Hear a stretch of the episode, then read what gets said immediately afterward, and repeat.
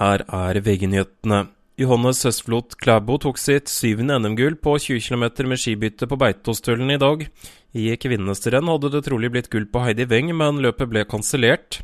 Det er pga. at en rekke løpere gikk feil fordi løypen ikke var riktig markert. Forskere er bekymret for at forlatte olje- og gassrørledninger i Nordsjøen kan slippe ut giftige stoffer, reporter Miriam Aasvik. F.eks. kan kvikksølv slippes ut i havet når rørledningene forfaller. Det finnes naturlig i olje og gass og fester seg til ledningene og bygger seg opp over tid. Ifølge The Guardian kan mengden kvikksølv i havet øke betydelig om rørledningene får råtne. Andre stoffer forskerne advarer om er radioaktivt bly og polonium 210. All drift ved smelteverket i Sauda er stanset etter brannen i natt, det melder Stavanger Aftenblad. Årsaken til brannen var en liten eksplosjon i en av ovnene på smelteverket. Ti personer er så langt bekreftet omkommet etter brannen i en boligblokk i Valencia i Spania torsdag.